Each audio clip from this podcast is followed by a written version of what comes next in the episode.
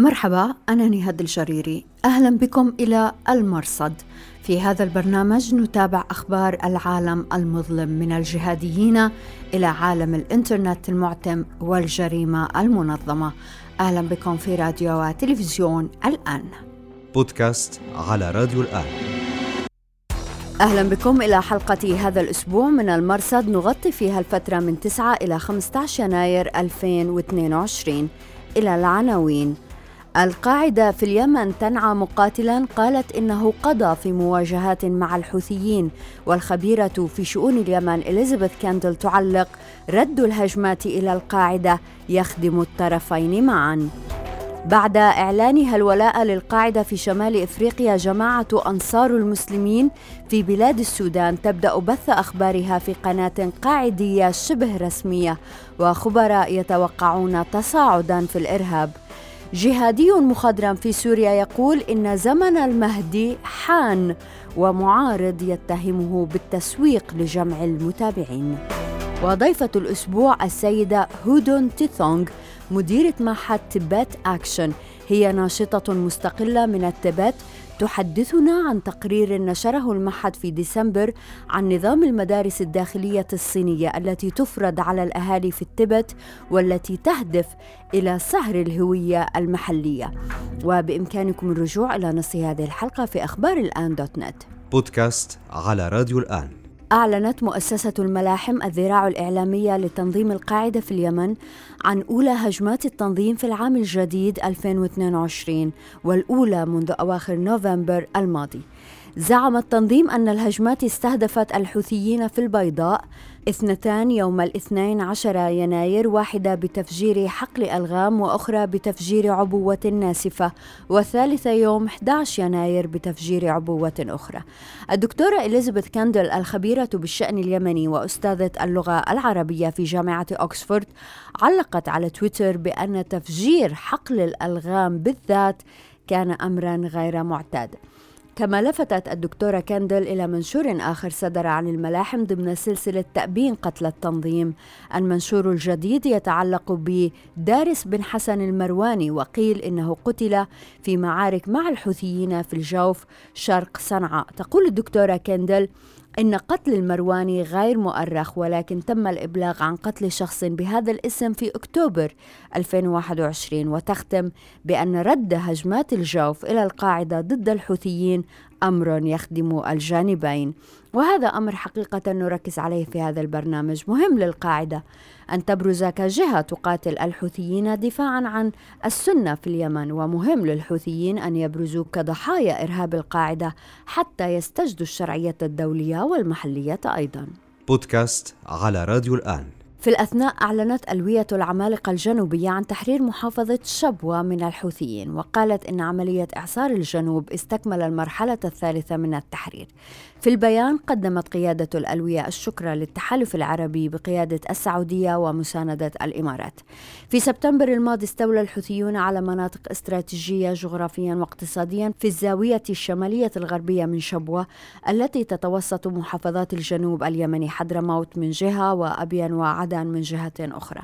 وقد نقلنا تقارير وشهادات عن استخدام الحوثيين عناصر وقيادات القاعدة من أجل التمهيد للاجتياح بدءا من الصومعة في البيضاء راديو الآن وأخيرا تعلن جماعة أنصار المسلمين في بلاد السودان عن أن بياناتها الرسمية ستنشر على منصات الجبهة الإعلامية الإسلامية وهي من أهم قنوات إعلام القاعدة شبه الرسمية. الجماعة التي تعرف بلفظ انصارو ومقرها نيجيريا استحوذت على اهتمام الخبراء والجهاديين على حد سواء في الشهرين الماضيين عندما بثت فيديوهات تكشف فيها عن هجماتها وتعرف عن نفسها فقالت إنها أعلنت الولاء للقاعدة في شمال إفريقيا في 2020 أنصاره كانت انشقت عن بوكو حرام بسبب الخلاف مع أبي بكر شيكاو وذلك في 2012 وكانت تدين بالولاء مع شيكاو للقاعدة. المهم أنهم غادروا شمال شرق نيجيريا واستقروا في شمال غرب نيجيريا في منطقة زنفرة. ولا يعرف من يقودها بعد أن قتل شيكاو قائدهم وكان اسمه محمد الأول. في الحلقة رقم 19 من هذا البرنامج روى لنا الحقوقي النيجيري بولاما بوكارتي قصة انشقاق أنصار وبإمكانكم الرجوع إليها في أخبار الآن دوت نت بالعودة إلى الإعلان عن إدارة الجبهة الإعلامية الإسلامية لإعلام أنصارو علقت السيدة مينا اللامي من بي بي سي مونيتورينج والخبيرة في شؤون الجماعات الإرهابية بأنه من المرجح أن نرى أثر إدارة الجبهة الإعلامية لإعلام أنصارو بالنظر إلى أن الجبهة تدير إعلام الشباب الصومالية وقد تكون وراء تحسن جودة المخرجات الإعلامية لشباب من حيث الإنتاج والنشر بلغات مختلفة. الدكتور جيكوب زين الخبير في الجماعات المسلحة في الساحل والصحراء قال سنرى ما إذا كان سيؤدي هذا التعاون إلى تبني عمليات كانت سابقا تعزى إلى اللصوص. بودكاست على راديو الآن. في الأثناء نشرت الزلاقة الذراع الإعلامية لتحالف نصرة الإسلام والمسلمين البيان رقم 182 عن هجمات الجماعة في مالي ونيجيريا وبوركينا فاسو. يأتي هذا فيما تجري تحركات عسكرية في المنطقة من نيجيريا إلى مالي إلى تشاد ستؤثر في سلوك الجماعات الجهادية في المنطقة. في مالي ومع نهاية الأسبوع الثاني من العام الجديد شارك آلاف الماليين في مسيرات ضخمة عمت معظم المدن الرئيسة العاصمة باماكو تمبكتو شمالا وكادبولو جنوبا احتجاجا على قرار المجموعة الاقتصادية لدول غرب إفريقيا ايكواس إغلاق حدودها مع مالي وفرض عقوبات جديدة على الحكومة العسكرية التي صعدت إلى السلطة في باماكو بعد انقلاب أغسطس 2020 قرار إيكواس جاء على خلفية عدم التزام حكومة الكولونيل عاصيمي غويتا إجراء انتخابات في فبراير المقبل كما كان متفقا عليه. في ديسمبر غويتا قدم إلى المجموعة خطة انتقالية جديدة تمتد خمس أعوام تتوج بانتخابات رئاسية في أواخر 2025 أوائل 2026 وبرر ذلك بأن الوضع الأمني في مالي غير مستقر خاصة في الشمال في إشارة إلى الجهاديين من أتباع إياد أغالي وأمادو كوفا. الاتحاد الأوروبي ومنه فرنسا أيد قرار إيكواس وهدد باتخاذ خطوات مماثلة وكذلك فعلت أمريكا. أما في تشاد فقال رئيس المجلس العسكري هناك محمد إدريس دابي إن قطر وافقت على مساعدة بلاده في بدء حوار تصالحي مع الجماعات المسلحة في تشاد. هذه الجماعات تعترض على حكم دابي الإبن الذي تولى من والده بعد أن قتل في ظروف غامضة في أبريل الماضي 2021 أثناء مواجهات مع جماعات متمردة ومنها جهادية. لا يبدو أن الجماعات الجهادية ستكون طرفا في هذا الحوار. لكن ما يهم هنا هو أن تشاد هي الأكبر والأقوى في حوض بحيرة تشاد التي تتوسط ثلاث دول تشاد نيجيريا والنيجر والتي تعد مرتعا للجماعات الجهادية من داعش إلى بوكو حرام سابقا. وقد قادت تشاد أكثر من مرة عمليات تطهير هناك. عدم الاستقرار في تشاد قد يؤدي من دون شك إلى منح الجهاديين متنفسا لإرهابهم يضاف إلى ذلك أن أي جهة قد تستخدمهم ورقة ضغط كعصابات وقطاع طرق كما حدث ويحدث في مناطق كثيرة من العالم. بودكاست على راديو الآن. نشر الشيخ ماجد الراشد أبو سياف منشورا على تليجرام يتوقع فيه قرب ظهور المهدي ونهاية العالم. أبو سياف داعية سعودي كان قياديا في جبهة النصرة هيئة تحرير الشام حاليا وهو من أشد المعارضين اليوم للجولاني. هو جهادي مخضرم قاتل في أفغانستان مع أسامة بن لادن. رد عليه ردا غير مباشر حساب عبد الرحمن الإدريسي الموالي لهيئة تحرير الشام وقال تجارة اليوم لكسب المتابعين من جهلة الناس. بودكاست على راديو الآن. أعلنت الصين وإيران أن اتفاقية التعاون بينهما دخلت حيز التنفيذ ما يشكل خرقا للعقوبات الأمريكية المفروضة على كلا البلدين وخاصة إيران. الاتفاقية وقعت في مارس الماضي وبموجبها تدخل إيران في مشروع الحزام والطريق قرة عين الرئيس الصيني شين جين بينغ.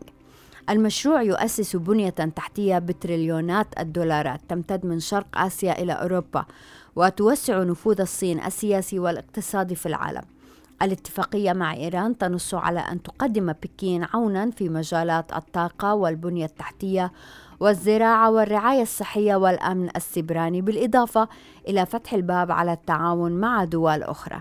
إيران تخضع لعقوبات أمريكية تضاعفت منذ انسحبت أمريكا من الاتفاق النووي في 2018. في الأثناء أعلن عن أن الصين حققت فائضا تجاريا قياسيا في العام 2021 في خضم وباء كوفيد 19 بلغ الفائض حوالي 676 مليار دولار ونصف المليار وهو الأعلى في العالم إذ ارتفعت الصادرات الصينية بنسبة 30% تقريباً. فمع الإغلاقات وتوجه العالم إلى التجارة الإلكترونية زاد الطلب على المنتجات الصينية. نشرت Human Rights Watch تقريرها الدوري عن حالة الحريات في العالم في العام 2021 فيما يتعلق بالصين وجد التقرير أن بكين سرعت برامجها القمعية ضد الإيغور في إقليم شنجان وضد سكان إقليم التبت. استعرض التقرير سياسة النظام الحاكم في إقامة معسكرات الاعتقال وإخضاع الأقليات إلى العمل بالسخرة وصهر الهوية والثقافة والحد من الحريات الدينية. واعتبر التقرير أن كل هذا يرقى إلى جرائم ضد الإنسانية. بودكاست على راديو الآن.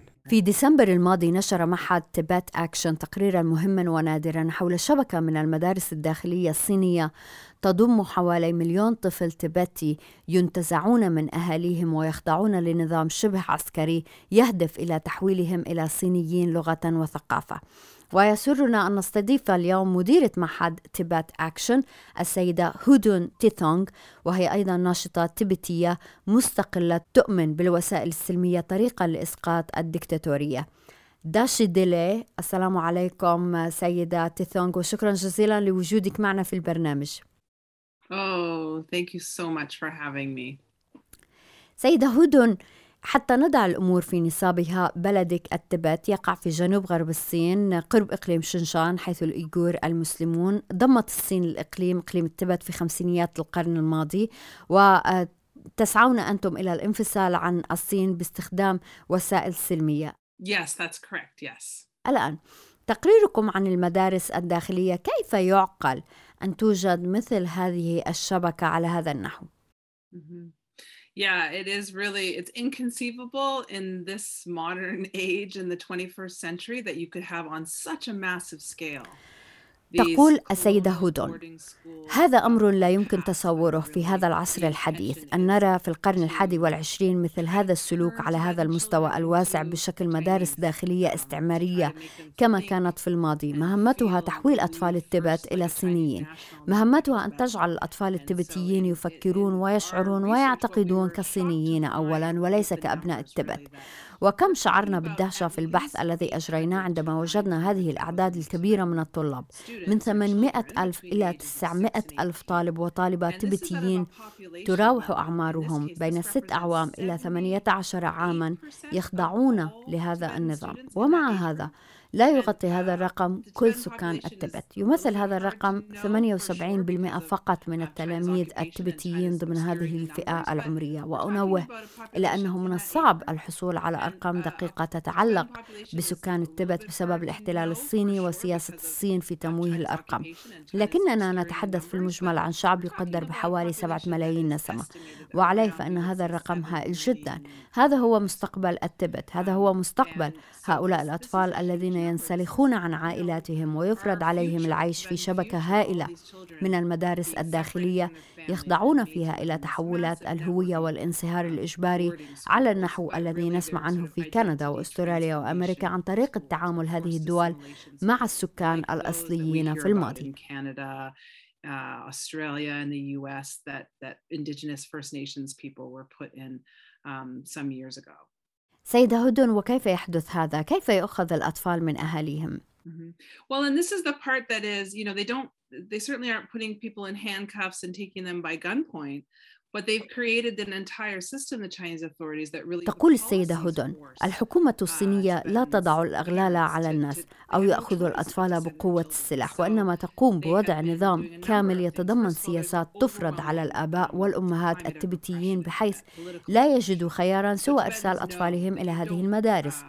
فثمة مناخ من القمع السياسي وقمع الحريات يربض فوق صدر الشعب التبتي وعليه يدرك التبتيون أنهم لا يستطيعون رد ذلك إلا إذا خاطروا بحياتهم وحياة عائلاتهم وعرضوا أمن المجتمع كله للخطر. يدركون أن الأفضل لهم ألا يقاوموا سياسات الحكومة الصينية أو يعترضوا عليها. كان ثمة خيارات أخرى أمام الآباء والأمهات كأن يرسلوا أطفالهم إلى مدارس دينية أو المدارس الخاصة فثمة مدارس محلية في المناطق الريفية تلبي حاجات الأطفال حتى سن معينة لكن السلطات الصينية عمدت وبشكل ممنهج ومتعمد في الأعوام الأخيرة إلى تسريع تحويل هذه المدارس المحلية إلى مدارس تحضيرية.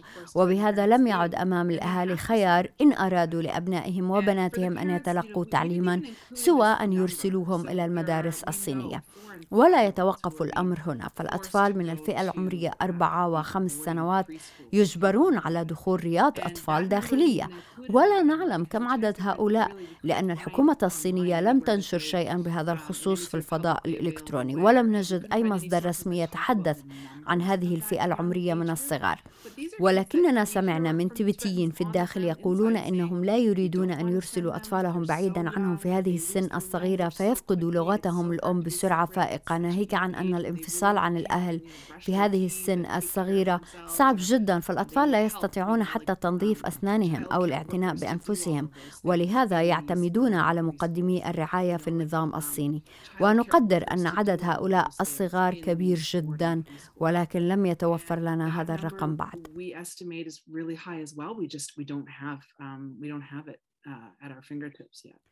سيدة هدون وماذا يحدث عندما يتخرج لنقل هؤلاء الأطفال أو هؤلاء الطلاب؟ Well, I mean, we all we have so that تقول السيدة هدون تبدو التبت مثل ثقب أسود من المعلومات. يكاد يكون مستحيلا الحصول على أخبار ومعلومات موثقة وحقيقية من التبت. أقول هذا لأرسم صورة لبلد مغلق بالكامل ولا يتمتع بأي نوع من الحرية. ولنتذكر أنه في تقرير عالمي أخير عن الحريات جاءت التبت في المركز الأخير. تعادلت التبت مع سوريا في هذا التصنيف الذي يقيس مستوى الحريات المدنية. والسياسية على مستوى العالم. المجتمع الدولي لا يستطيع الدخول إلى المنطقة، الصحفيون لا يسمح لهم بالعمل هناك، والتبتيون لا يسمح لهم بالدخول والخروج دون أذونات خاصة من الحكومة الصينية. نستطيع الحصول على تأشيرة إلى الصين، لكن الدخول إلى التبت مسألة مختلفة تماما، وعليه أقول إنه من الصعب جدا الحصول على معلومات حول حقيقة هذه المدارس وأحوالها هذه الأيام.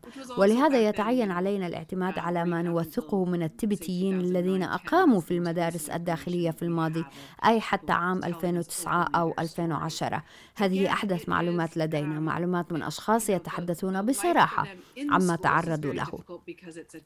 مرة أخرى أود أن أؤكد أن الحياة في هذه المدارس صعبة جدا لأنها تمثل تحولا ثقافيا ثقافيا كاملا فيتعين على الأطفال أن يتعلموا الصينية وأن يعيشوا حياة تشبه النظام العسكري. لا يمنحون إلا قدرا قليلا من الحرية. وهذه بيئة لا تتوافق مع رعاية أطفال كي يتعلموا ويصبحوا أفرادا منتجين في المجتمع. هذه بيئة تتوافق مع السيطرة على الأطفال وإخضاعهم إلى سرديات سياسية وتعليمهم بلغة مختلفة عن لغتهم الأم. ويقول لنا التبتيون ممن ذهبوا إلى هذه المدارس الصينية الداخلية في الصين على مدى أعوام.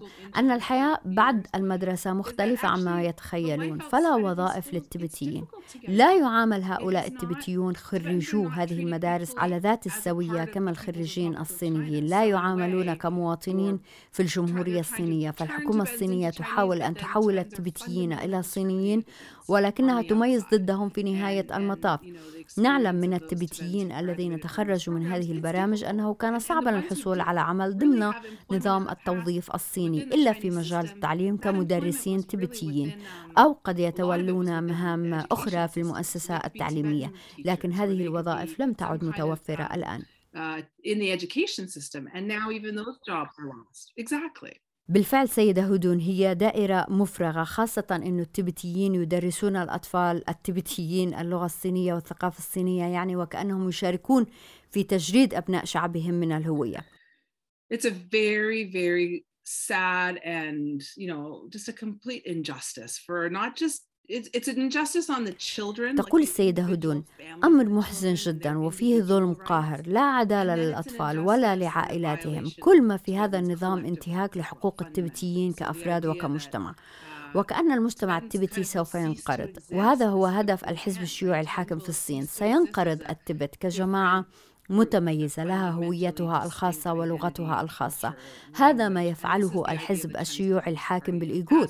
يفرضون عليهم الانصهار في الثقافة الصينية تماما مثل التبتيين حتى لا يقاوموا الدولة بأي شكل من الأشكال. وكما التبتيين الإيغور وغيرهم قاوموا الحكم الصيني لأجيال ورفضوا السيادة الصينية على أراضيهم وأمتهم. وهذه هي المحاولة الأخيرة من جانب الحكومة الصينية للقضاء على أس المشكلة. Now what this is is really their attempt to sort of finally control and end this problem. سيدة هدن عندما نقرأ عن الصين وعن التبت تحديدا نقرأ أنه الإقليم بيتمتع بحكم ذاتي بيحكموا أنفسهم بأنفسهم لكن هذا يبدو غير كافي لكم كيف؟ No, and this is what we're seeing right now with Xi Jinping and these policies. Um, so it used to be there was some semblance of تقول السيدة هدون هذا ما نراه الآن في السياسات التي يديرها شي جين بينغ في الماضي كان ثمة قدر من الاحتمال والتعايش في الثمانينيات صيغت قوانين العرقيات المناطقية ومناطق الحكم الذاتي ووضعت بنود في الدستور الصيني تحمي العرقيات وتحترم اختلافهم ولغاتهم الخاصة. لكن كل هذا تغير الآن ولم يعد ثمة قيمة لعبارات الاحترام التي وشحت تلك المؤلفات الحكومية والقوانين في الماضي. ولهذا كانت المدارس الابتدائية في التبت تدرس باللغة التبتية لكن حدث تحول مفاجئ وكبير وتغيرت لغة التعليم إلى الصينية فيما اقتصرت اللغة التبتية على صف واحد فقط. وسيكون لهذا أثر هائل على الطلاب. نسمع من الطلاب الذين تخرجوا من المدارس الداخلية في الماضي أنهم حتى السن الابتدائية أو في السنوات الحرجة الأولى كانوا يتلقون أساسيات اللغة ويحفظونها لكن كل شيء تغير الآن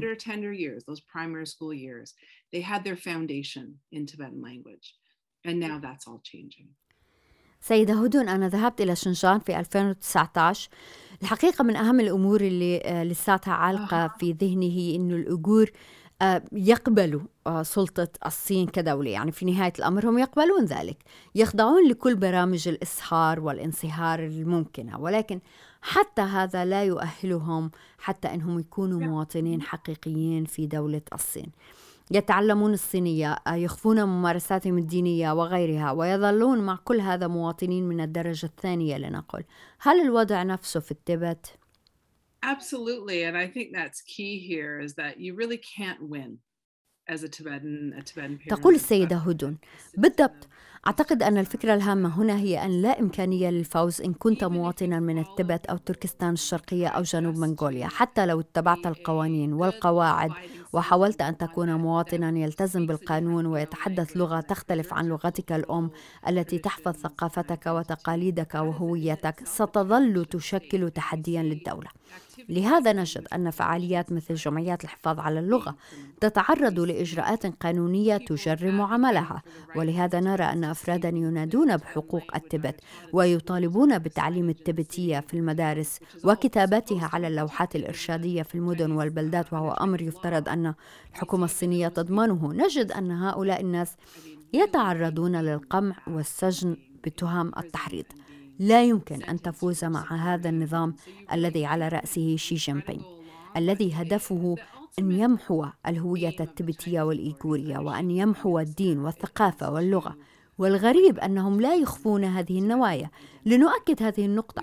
ولهذا على المجتمع الدولي أن يتصدى لهم وأن يفضح مخططاتهم وأن يعلن هذه الممارسات إبادة ثقافية وحضارية في الحد الأدنى. على نحو ما يتعرض له الإيغور من معسكرات اعتقال وفرض الإجهاض والعقم وهي كلها سياسات عانى منها التبتيون قبلهم. هذه جرائم إبادة وجرائم ضد الإنسانية.